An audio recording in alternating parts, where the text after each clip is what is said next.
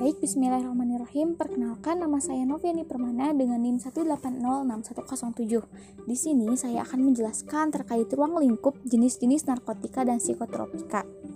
Adapun jenis-jenis narkotika ini dibagi ke dalam beberapa golongan. Yang pertama ada golongan satu. Golongan satu ini merupakan narkotika yang hanya dapat digunakan untuk tujuan pengembangan ilmu pengetahuan dan tidak digunakan dalam terapi, serta mempunyai potensi sangat tinggi mengakibatkan ketergantungan. Contohnya, yang pertama ada heroin. Heroin merupakan turunan morfin yang sudah mengalami proses kimiawi. Pada mulanya, heroin ini digunakan untuk pengobatan ketergantungan morfin, tetapi kemudian terbukti bahwa kecanduan heroin justru lebih hebat. Morfin atau heroin disebut juga putau.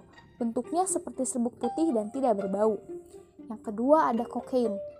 Efek dari penggunaan dapat menyebabkan paranoid, halusinasi, serta berkurang rasa percaya diri. Pemakaian obat ini akan merusak saraf di otak. Selain memperburuk sistem pernapasan, penggunaan yang berlebihan sangat membahayakan dan bisa membawa kematian. Kokain yang turunnya, turunannya putau sangat berbahaya bagi kesehatan manusia ketiga ada ganja. Ganja yang dikenal juga dengan nama cannabis sativa pada mulanya banyak digunakan sebagai obat relaksan untuk mengatasi intoksikasi atau keracunan ringan. Bahan yang digunakan dapat berupa daun, batang, dan biji, namun kemudian disalahgunakan pemakaiannya.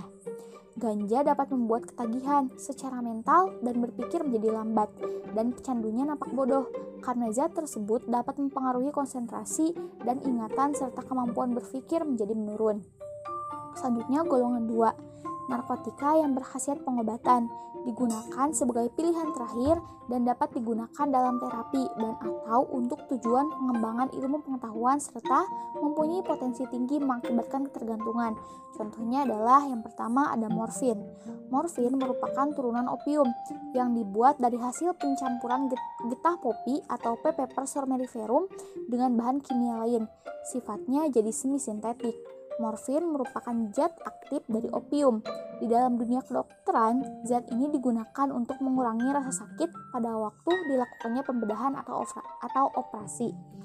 Selanjutnya golongan 3 narkotika yang berkhasiat pengobatan dan banyak digunakan dalam terapi dan atau tujuan pengembangan ilmu pengetahuan serta mempunyai potensi ringan mengakibatkan ketergantungan. Contohnya adalah kodein.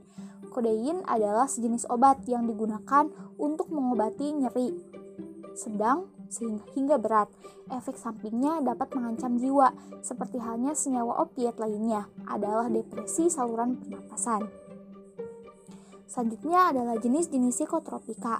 Jenis-jenis psikotropika ini pun dibagi ke dalam beberapa golongan. Yang pertama ada golongan golongan satu psikotropika yang hanya dapat digunakan untuk tujuan ilmu pengetahuan dan tidak digunakan dalam terapi serta mempunyai potensi kuat mengakibatkan sindrom ketergantungan. Contohnya adalah ekstasi.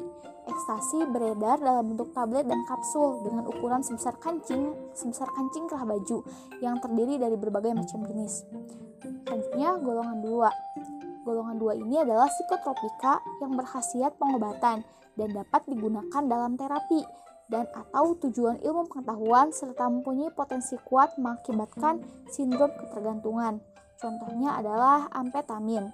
Bentuknya ada yang berbentuk bubuk berwarna putih dan keabuan, ada juga tablet. Cara penggunaannya adalah dengan cara dihirup, sedangkan yang berbentuk tablet diminum dengan air. Selanjutnya golongan 3 Golongan 3 ini adalah psikotropika yang berkhasiat pengobatan dan dapat digunakan dalam terapi dan atau tujuan ilmu pengetahuan serta mempunyai potensi sedang mengakibatkan sindrom ketergantungan.